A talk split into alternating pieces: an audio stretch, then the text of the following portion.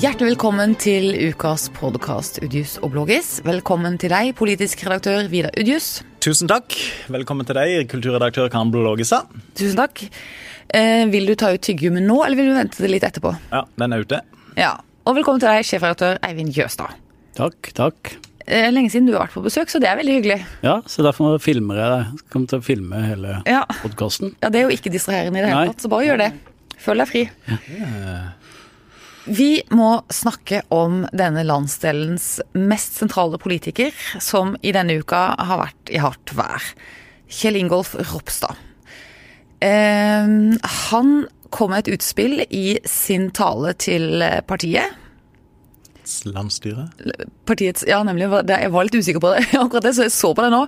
Partiets landsstyre, hvor han kom til å nevne at også deler av miljø, altså det er ikke bare å heie helt sånn fritt fram på eh, deler av miljøbevegelsen, for det er et menneskesyn der som han eh, mente var litt farlig. Veldig bra forklart, eh, Karin. Så det er veldig energi i dette. Ja, det syns jeg Ja. Du er engasjert. Ja. Ja, jeg har jo vært det, men eh, det er jo noen dager siden. Men eh, eh, kom, har han kommet politisk styrket ut av denne uka, Udjus politisk redaktør? Eh, han, eh, han jeg, vil tro at han kanskje ikke hadde trodd at det skulle bli fokuset etter den talen han holdt til sitt landsstyre. Eh, der snakka han om menneskeverdet, som jo er en viktig sak for KrF. Og så nevnte han fire trusler mot, eller utfordringer for menneskeverdet, og begynte liksom det store, mest alvorlige ifra, ifra det høyreekstreme miljøene rundt forbi Europa. Og så nevnte han til slutt også miljøbevegelsen, deler av den, og trekk da fram eh, at deler av miljøbevegelsen har en tendens til å sidestille menneskeverdet med, med dyreliv, eh, planteliv eh, osv. Og så var han ute da i Politisk kvarter og, og gjorde en etter mitt syn dårlig figur der. Og så skrev han en, en bedre kronikk i VG samme dag, og så har debatten også gått siden. Um, jeg tror at uh, Kjell Ingolf Ropstad er mer kynisk enn uh, Knut Arild Hareide ved at han snakker til eh, personer som i alle fall kan tenke seg å stemme KrF. Han, han blåser mer i, i alle de andre. Eh, sånn sett jeg tror jeg ikke han ser så mørkt på den diskusjonen som har vært nå i etterkant av dette her. Eh, også fordi at han har fått snakke om menneskeverd, som, som, som sagt er viktig for en KrF-leder. Men samtidig sett utenifra så syns jeg det, det er pussig at, at han har valgt det fokuset inn mot miljøbevegelsen, som jo eh, bør være naturlig alliert for KrF. Gitt det store klimafokuset som, som Kjell Ingolf Ropstad vil ha i, som KrF-leder. Ja, hva syns du, Eivind? Reiser han ikke en eh, kjempe, kjempe, kjempestor ikke-sak? Uh, Hva tenker du ikke-sak? Altså, Nei, det er jo ingen som diskuterer menneskeverdet i miljøbevegelsen. Jeg har ikke hørt noen jo, diskusjon om det i norsk offentlighet. eh, eh, altså Vidar forklarte jo det sakskomplekset nå eh, veldig profesjonelt, egentlig. Litt, uh, litt tydeligere enn deg. Men hvis du tar, setter litt på spissen Er det den tonen i dag? Jeg skal Ja, stikke i jentene- dagen. Ja. Det slo meg at egentlig litt sånn kanskje veldig fiffig øvelse, egentlig. Hvis du tenker for at hvis du skal ha eh, Hvis du tar klimasaken, så har du eh, eh, De som er veldig for klima, de vil jo ikke sant? De vil stemme på partiet som fremmer klimasaken. Men klimasaken provoserer jo mange òg. Ja. Det, er, det ser jo vi i kommentarfeltene våre, og alle, hver gang vi diskuterer, så har du så har du liksom en skala av de som er helt sånn fullstendig klimafornektere, til de som egentlig bare syns at retorikken til en del av disse miljøpolitikerne blir for voldsom. Så de provoserer. Mm. så, så jeg lurer på, prøvde Ropstad egentlig nå å fiske i begge leirer? prøvde han både å fiske liksom, og gjøre KrF til sånn klimaparti, og vi må samarbeide med miljøbevegelsen, inviterte til det, og prøvde han også å appellere litt til de som syns det er litt mye klimamass. Jeg tror egentlig ikke det, men det hadde vært litt fiffig hvis han prøvde begge deler. Det jeg tror han mener oppriktig altså Jeg tror Ropstad er, har bestemt seg for å menneskeverd hver gang han kan snakke om det, så så gjør han det. Så litt. Det er ikke Du sier du tror ikke var ikke det han ville ha fokus på etterpå? Sikker på det? Kanskje? Nei, ikke sikker. Jeg hadde bare kanskje tenkt at en KrF-leder og at kretsen rundt han ville tenkt at det media er mest interessert i, de, i denne talen, det er at regjeringsparti KrF sier at de er uenig med regjeringsparti Frp, når Frp sier at de vil bore helt opp til oljebore helt opp til iskanten. Vi må sette ned en tydelig markør mot det. det, det den interne stridigheten kommer kanskje media til å fokusere på. Men du snakker om at uh, men, men, men, men, hvem vet? Men du snakker om at uh, Ropstad vil være tydeligere på dette med menneskeverdet. Mange vil jo hevde at Hareide også var det, men at han skøyt mot en litt annen kant da, enn det Ropstad gjør nå. For han hadde jo ganske harde og tydelige og, og kraftige oppgjør med Sylvi Listhaug og Fremskrittspartiet. Absolutt, men, mens, uh, men innvendingene ellers internt i KrF gikk ofte på at uh, Knut Arild Hareide ellers på en måte framstår som på en måte, og Vi prøvde å gjøre KrF til et parti for alle, noe det åpenbart eh, ikke ble. Men du, du har helt rett, han var veldig, veldig tydelig i sitt oppgjør med Frp, og særlig eh, Sylvi Listhaug. Men, eh, men jeg, tror, jeg, tror, Knut Nei, ikke Knut Arild. Jeg tror Knut, Knut Ingolf Ropstad. vil, vil, være spissere og mer kynisk i sitt, i sitt uh, budskap. Ja, og vi, Det er jo der man prøver liksom å tenke hva ville du gjort hvis du uh, overtok det partiet på den måten Ropstad gjorde? De er han er jo forpliktet til å føre det mot høyre? Ja, også, ja, det er han. Og så er de et parti som er på vei mot uh, utslettelse, eller selvutslettelse på en måte. Hvis ikke de finner en tydeligere vei. Så hva ville du gjort? Ikke sant? Jeg tror han, Du må jo ha en plan. Og det er som du var inne på i den kommentaren din som du hadde her forleden, Vidar, i forhold til om du skal liksom være brei og usynlig, eller litt smalere og tydelig, og klare å etablere deg på rundt 3-4 Men, men hvis han, jeg må bare spørre, siden jeg nå er programleder ja. her nå, valgt, Dere har jo ikke valgt meg, men jeg har tatt den rollen. Mm. Hvis, du, hvis man forfølger den Er det valg egentlig på det? det er hvert fjerde år. Du, ja. Mm. Hvis man følger den eh, tanken du var inne på i den kommentaren din, Vidar, om at eh, han vil være mer kristelig og mindre Folkeparti. Hvor stort er det velgersegmentet, kan vi tenke da? Vil det være noe eh, betydelig gevinst i å stramme seg inn og bli mer konservativ, eller appellere mer til de lavkirkelige miljøene? Nei, Det er et godt spørsmål. Og jeg tror, jeg, jeg tror, i så fall, i den grad de tenker som vi har, som vi har resonnert rundt nå, så tror jeg de tenker det som skritt én for å stabilisere partiet og solidifisere grunnfjellet. Og så prøve å bygge ut ifra det. Eh, I dag kom jo en meningsmåling fra Sverige som var vinkla på at Sverigedemokraterna er Sveriges største parti. Men hvilket parti var Sveriges tredje største parti der, med 16,7 oppslutning? Kristelig Folkepartis svenske søsterparti, som eh, på en annen måte, men allikevel som har gjort noe à la den øvelsen vi har snakka om i Sverige. Før forrige riksdagsvalg, da valgkampen begynte, så lå de på 2 langt under sperregrensa, var helt eh, skrevet av nå er de plutselig eh, høyt der oppe. Det heter eh, avskrevet, ikke skrevet av. Men, ja. Mm. Avskrivning. Ja, På grunn av hva, mener du? Eh, altså, hun, hun, hun Det er nettopp? Ja. Tyd, tydelig. Eh, for så vidt en smalere profil, men har truffet et eller annet i den svenske, svenske Men konservativt, er de, er de kan du... De er veldig tydelig konservativt borgerlige, mm. det kristelige demokratiske Og en veldig populær eh, partileder som har truffet et eller annet, og så er politiske landskapet litt annerledes ja, i Sverige òg. Hvis ikke du skal stemme ja. Sverigedemokraterna, men ligger litt Hvor går du da? Kanskje ja. hun litt sånn Senterpartiet har fått blitt en sånn kurant konservativ alternativ i Norge. Rett og slett. Eh, og hvis, derfor mener jeg, hvis i KrF Ja, dessverre vil noen si, andre vil si endelig, så tror jeg det partiet skal det ha sjanse til å overleve, så er det gå rett inn i den konservative den veien. Det er Israel, det er menneskeverd, det er mot uh, abort, og det er mot uh, ganske mange ting. For homoterapi? Og, ja, og ta den kampen hele veien. Og, og, det er der de fleste velgerne eh, Der han kan hente flest velgere, tror jeg. I stedet for den avskallingen du ser. ikke sant, mm. Partiet De kristne. Hvorfor skal, hvorfor skal han ha et sånt parti? liggende enda lenger ute på konservative høyresida? Eh, er det de han må ha? Er det bedre for han å prøve å finne de velgerne enn å ta noen kristne Arbeiderparti-velgere? Sannsynligvis. Men i, vi har jo diskutert før i denne ja, podkasten Enormt spennende eh, diskusjoner der, der ja. som er rasjonale bak, og hva som er de taktiske vurderingene, og, og hva som kommer ut som tilfeldige nyhetssaker, som vi kanskje ikke har tenkt på. Ja. ja. Men det kan man jo kanskje kreve at en partileder tenker litt over. En skal men, stå bak hver eneste setning en sier. Ja, men nok om det. Men, men vi har jo diskutert før i denne podkasten om han aspirerer til å bli litt sånn mørkemann, og jeg har jo ment noe om det. Eh, blir det et eh, Vi, Aspirerer han ikke enda mer til det nå? Nå har vi hatt uh, denne abortsaken som nettopp har blitt rippet opp i kjølvannet av den boken som kom ut, og, og uh, mange vil mene han svarer litt utydelig på homoterapi, eller han er jo for at det skal være tros- og ytringsfrihet, og at en skal fortsatt kunne drive med denne sjelesorgvirksomheten.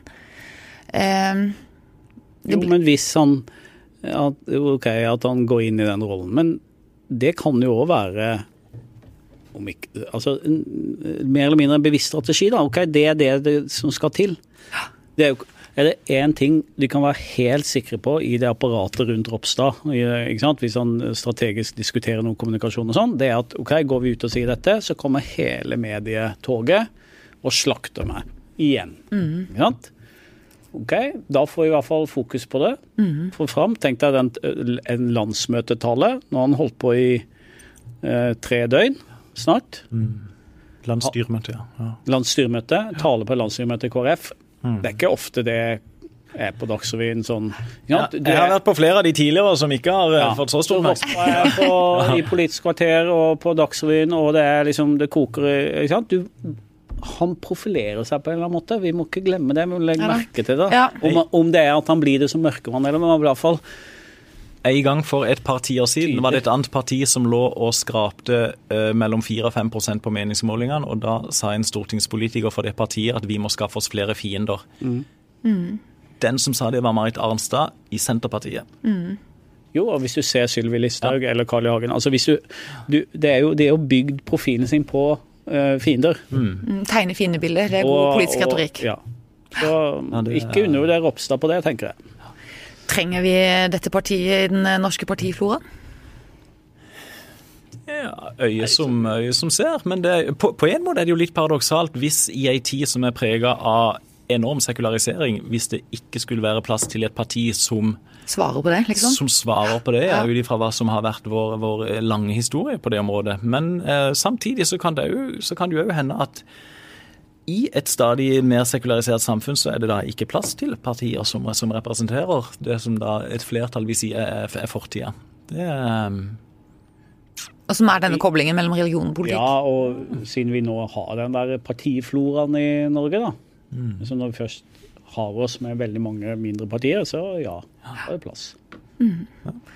Det skal bli spennende å følge med på Kjell Du er litt irritert over at du eh, bare kan stille spørsmål her, Karen, og at ikke du kan hive deg ut. Nei, jeg er veldig glad Vi, for det. og vi har jo bestemt oss før den Ja. podkasten ja. at vi skal, ingen av oss skal stille 'hva syns du'? Nei, Hva tenker du om dette? Vi, det, det har vi bestemt på forhånd.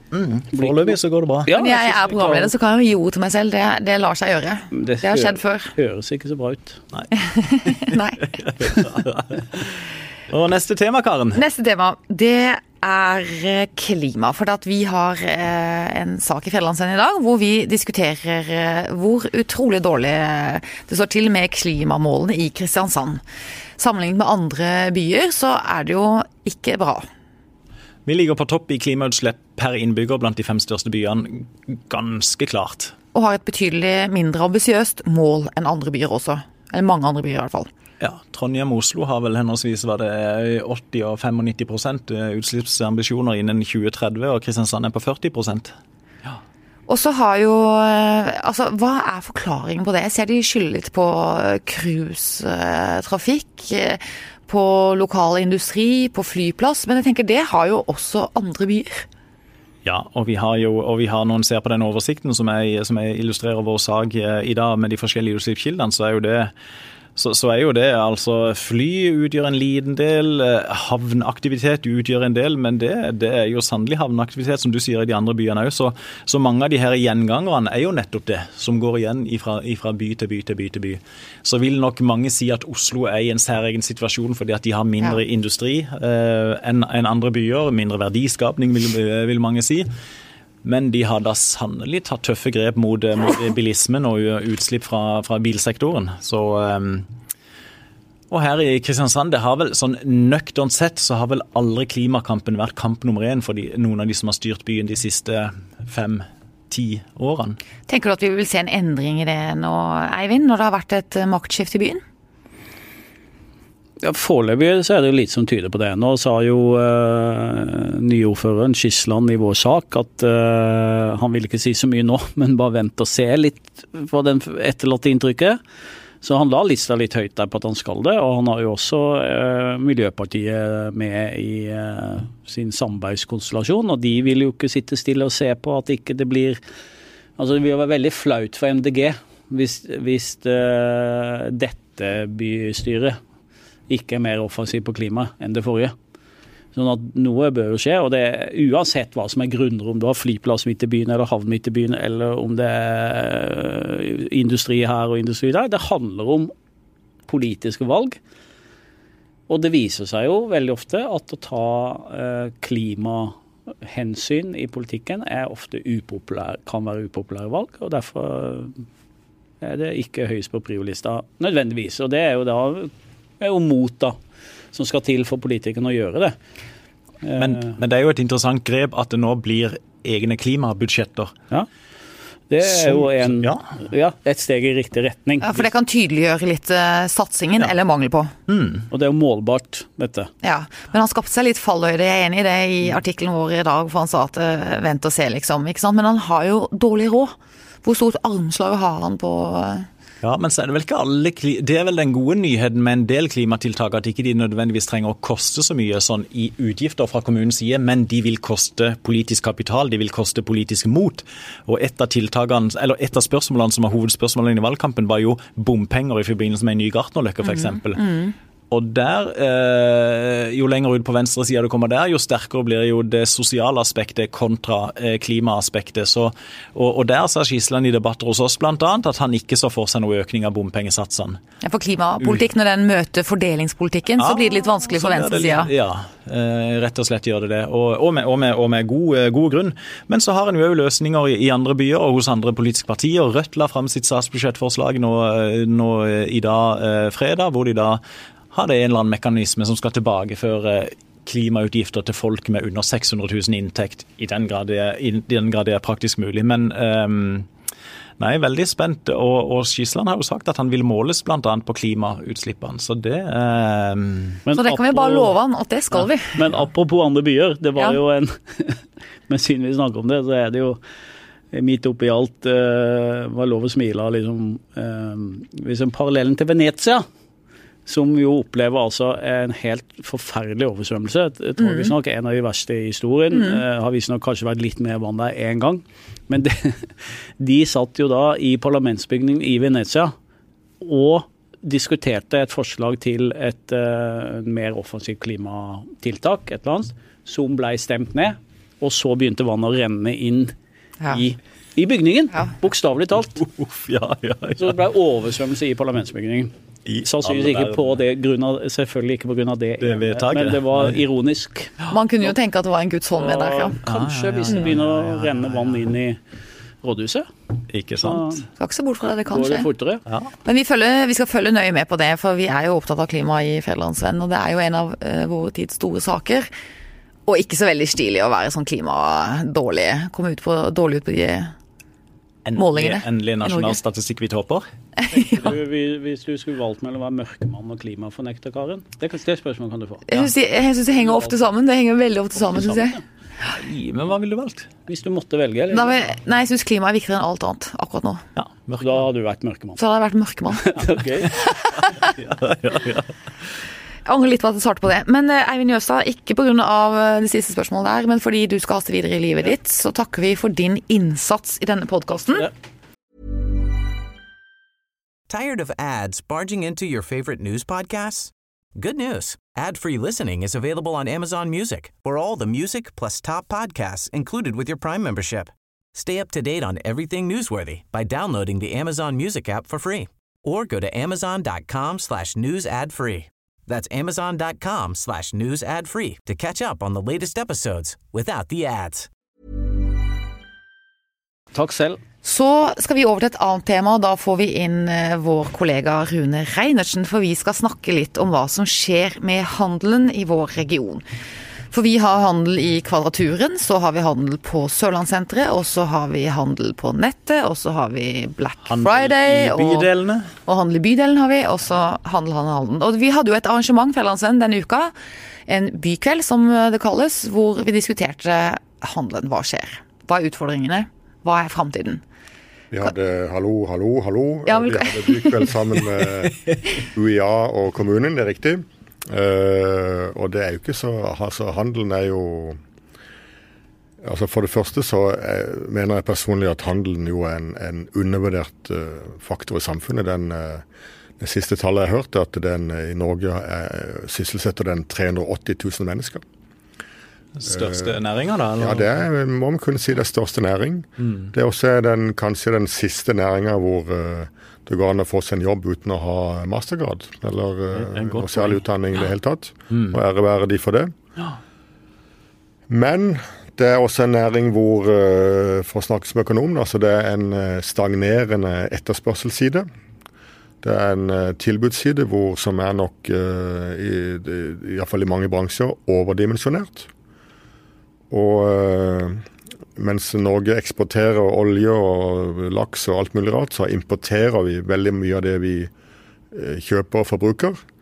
Og øh, da sliter vi øh, for alvor nå med en kronekurs som, som gjør vareimport veldig dyr.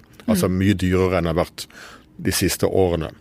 Når du sier stagnerende etterspørselsside, er det Altså det, Befolkningsveksten har jo dempa seg kraftig, og vi har på en måte nådd et nivå hvor øh, Altså vi har jo et øh, historisk høyt velstandsnivå i Norge, og vi er kommet til et punkt hvor man, veldig mange mennesker ikke lenger kjøper flere ting. De kjøper heller flere tjenester og reiser og sånne ting.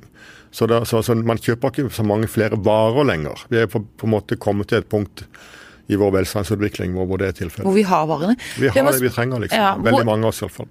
Er stagnasjonen eh, lik på de ulike eh, plattformene? Jeg vet ikke hva jeg skal kalle det. Er det lik stagnasjon i Kvadraturen som det er på Sørlandssenteret, som det er på nettet? Ja, det er vanskelig å si. Altså, det, det eh, det er en sånn klassi, altså I Kristiansand så er det en klassisk motsetning mellom Kvadraturen og Sørlandssenteret. Eh, Som det er i mange norske byer. Ja. sant? ja. Eh, vi hadde som, som nevnt da et, eh, et arrangement, by- såkalt bykveld, her for to dager siden. Hvor bror William Stende, som er fagdirektør i Virke for faghandel, deltok. Og han fortalte at Norge er det landet i verden etter USA som har flest antall kvadratmeter kjøpesenter per innbygger.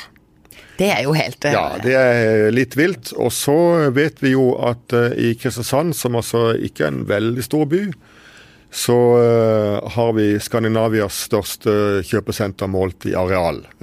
Vårt alles kjære Sørlandssenteret. Og jeg var jo selv til stede i Vågating lagmannsrett for et par-tre uker siden, hvor eh, 96 år gamle Olav Thon karakteriserte Sørlandssenteret som et mareritt. Altså det er, altså, jeg personlig mener vi skal være glad for både Sørlandsparken og Sørlandssenteret, fordi at det har, altså, vi har en kvadratur på én i én kilometer.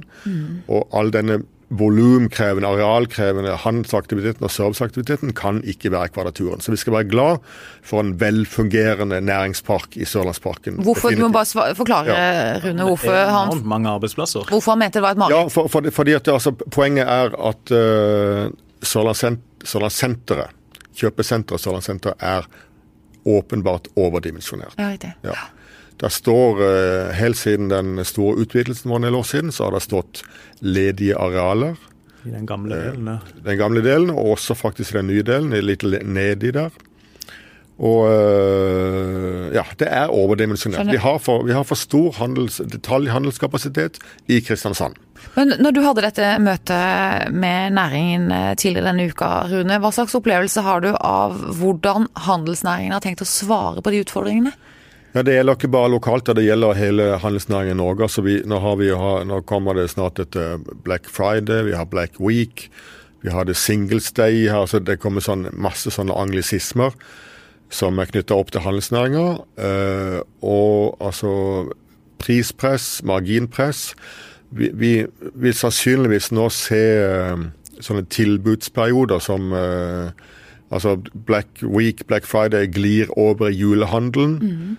glir inn i januarsalget, glir inn i påske. Altså vi vil se altså enda mer enn før. Vil vi se kontinuerlige sånne lav, lavprisperioder framover. Og det er klart det er jo en, det er knallhardt for veldig mange butikkeiere som ikke har Altså butikker som ikke har all verdens ryggrad til å stå gjennom sånne tøffe perioder. altså. Så vi, Jeg frykter at vi vil se et økende antall konkurser i varehandelen. Og så Og større butikkdød i Kvadraturen, kanskje også på Sørlandet. det er også, det er også, ja. Og med, med da ringvirkninger ganske raskt ut til, til gårdeiere, ikke sant. Altså, mm. ja. Og så eh, er det lett å tro at ja, det er netthandelen som, som tar dette. Men altså eh, Konkurstallene har økt mer i netthandel de siste par-tre årene enn i tradisjonell varehandel. Så det er tøft der også. Men samtidig så har så da sånne Amazon, ikke sant? Amazon Svære giganter, ja. det kommer jo da for alvor, så vi ser eh, litt av samme utviklingen der som vi ser på eh, innenfor kall det digital, hele digitalsektoren, for å si, bruke sånn uttrykk generelt. Altså Apple, ikke sant, altså Google. At det blir kjempesvær Kom- de- de- verdensomspennende. de globale USA, ofte USA-baserte gigantene kommer inn. Men du, du Karen, når du, når du skal handle, si vet ikke, klær.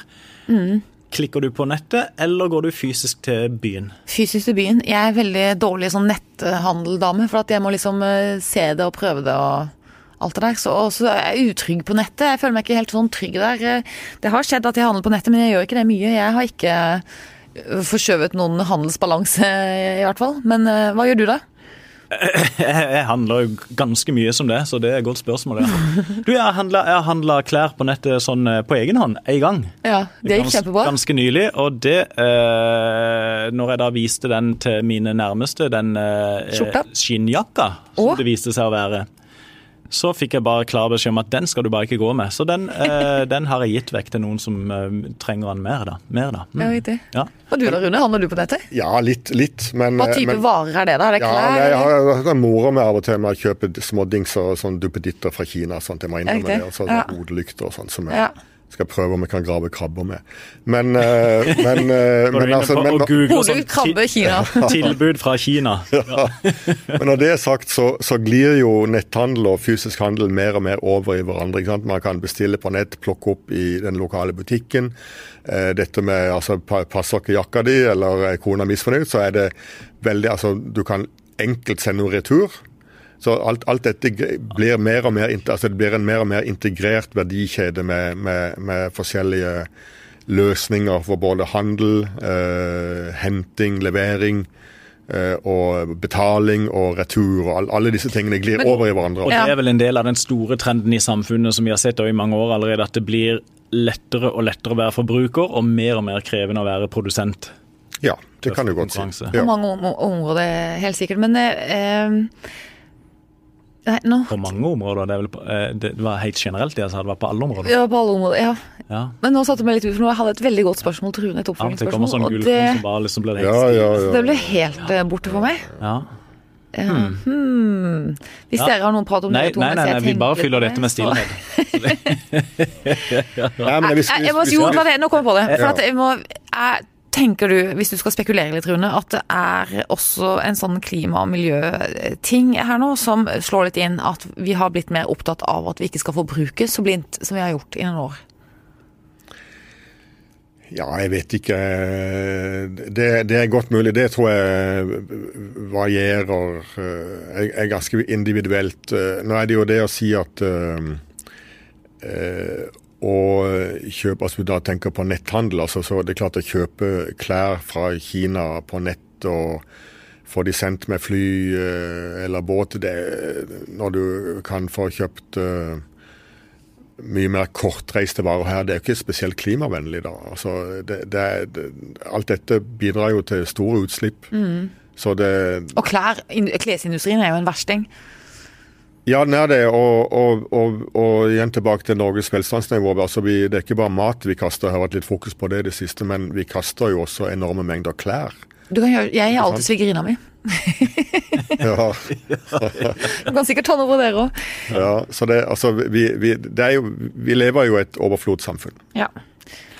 en liten, ikke digresjon egentlig, men eh, alliavel. Jeg, jeg var på den eh, klimakonferansen, Zero-konferansen i Oslo for et par uker siden, og der var det en som sa at eh, et tydelig tegn, og det sa han som et tegn på optimisme, fordi at eh, det da fører til, til, mindre klimautslipp sannsynligvis på sikt. Men han sa jo rikere land blir, historisk sett, jo lavere blir den økonomiske veksten i disse, i disse landene og trakk fram at etter den enorme velstandsveksten i USA og i Europa sånn på, på 50- og 60-, litt inn på 70-tallet, så har på en måte veksten avtatt. Japan har slitt med nullvekst lenge osv., mens den økonomiske veksten virkelig buldrer fram i disse landene som er på vei opp.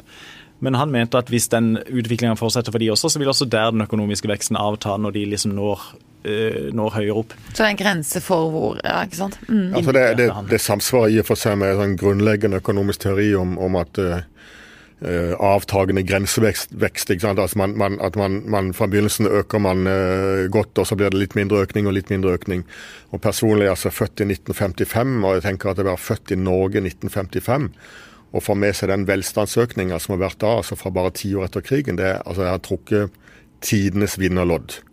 Men når det gjelder velstandsutvikling og økonomisk, økonomisk utvikling framover, så er jeg jo veldig bekymra for hva klimaendringene vil få av øk også økonomisk effekt. Mm. Det er klart Når, når, når uh, noen av verdens største byer oversvømmes, f.eks. Mm. Når skoger brenner ned, altså når uh, beitemarker og, og kornåkre tørker ut altså vi, vi, har, vi, har, bare sett begynnelsen her. altså. Og det er klart at det vil også få enorme økonomiske konsekvenser. Det, ja. det, var litt lystelig, da. Var, ja, eh, lykke til til Karen som etter hvert skal litt sånn og god helg. Ja. og med det sier vi god helg. Ja. nei, men jeg mener jo at vi må tåle litt alvor, og det er et reelt alvor, så det skal vi rett og slett bare ta med oss inn i helga. Eh, et positivt uh, uttrykk for det syns jeg var jo at uh, 4000-5000 mennesker deltok i denne her klimamarsjen i Kristiansand for, uh, for en liten uke siden. Du, jeg ble altså så forskrekka. Det tenkte jeg var altså så hyggelig. Det må jeg si, det varmet meg langt inn i sjelen. Jeg synes det var et kjempehøyt tall. Veldig. Det var veldig, veldig veldig hyggelig å se det engasjementet. Det skal litt til å trekke tusenvis av mennesker ut i en sånn sur kveld, altså. Ja, det var imponerende. Det viser engasjement, og det mm det er et engasjement som, som eh, etter hvert eh, jeg tipper vil, få, vil komme sterkere til synlig også politisk. altså. Ja, det er den det tvinger seg fram. Og så kommer forretningsverdenen og finansverdenen etter, for de er jo der hvor folk er. Og i stor grad ligger de også foran, tenker ja, jeg. For de og, ser hvor ja. utviklinga går og uh, vil være i forkant av utvikling av ny teknologi og nye løsninger. Mm. Ja, for det er da de tjener penger og unngår å tape penger. Så det, det ja da, sånn, sånn, sånn virker uh, kapitalismen. Og sånn ja. som Det nevnte også en kommentar, men det var jo en som sa på den nevnte klimakonferansen, Zero-konferansen, at Apple har nå krevd utslippsfri uh, aluminium til alle sine iPoder og iPader og alt mulig. Og som han sjøl sa, no, det, de har nok ikke merka noe krav om det ennå, men de vet hva som kommer noen få ja. år fram i tid, så de skal bare ja. være i forkant. Det er jo en enorm utfordring til ikke minst norsk aluminiumsindustri. Uh, så, ja. Så det, de har en jobb men, de skal men, gjøre. Men, men det, tvinger, ikke sant? Altså, det er et eksempel på at markedet tvinger fram teknologi, endringer i retning, eh, altså i grønn retning. da. Det er jo flott, det. altså. Og at vi som forbrukere pusher på i den retninga. Mm. Ja. Innovasjon. Veldig bra. Det var en lettere slutt. altså Det er håp eh, i hengende snøre. Det haster litt. Men eh, tusen takk for at du kom og foredro litt om uh, handel og vandel, Rune. Det var hyggelig. Og takk til deg, Vidar Udjus, som vanlig for viktige bidrag i podkasten. Og takk til eh, meg. God helg, alle sammen.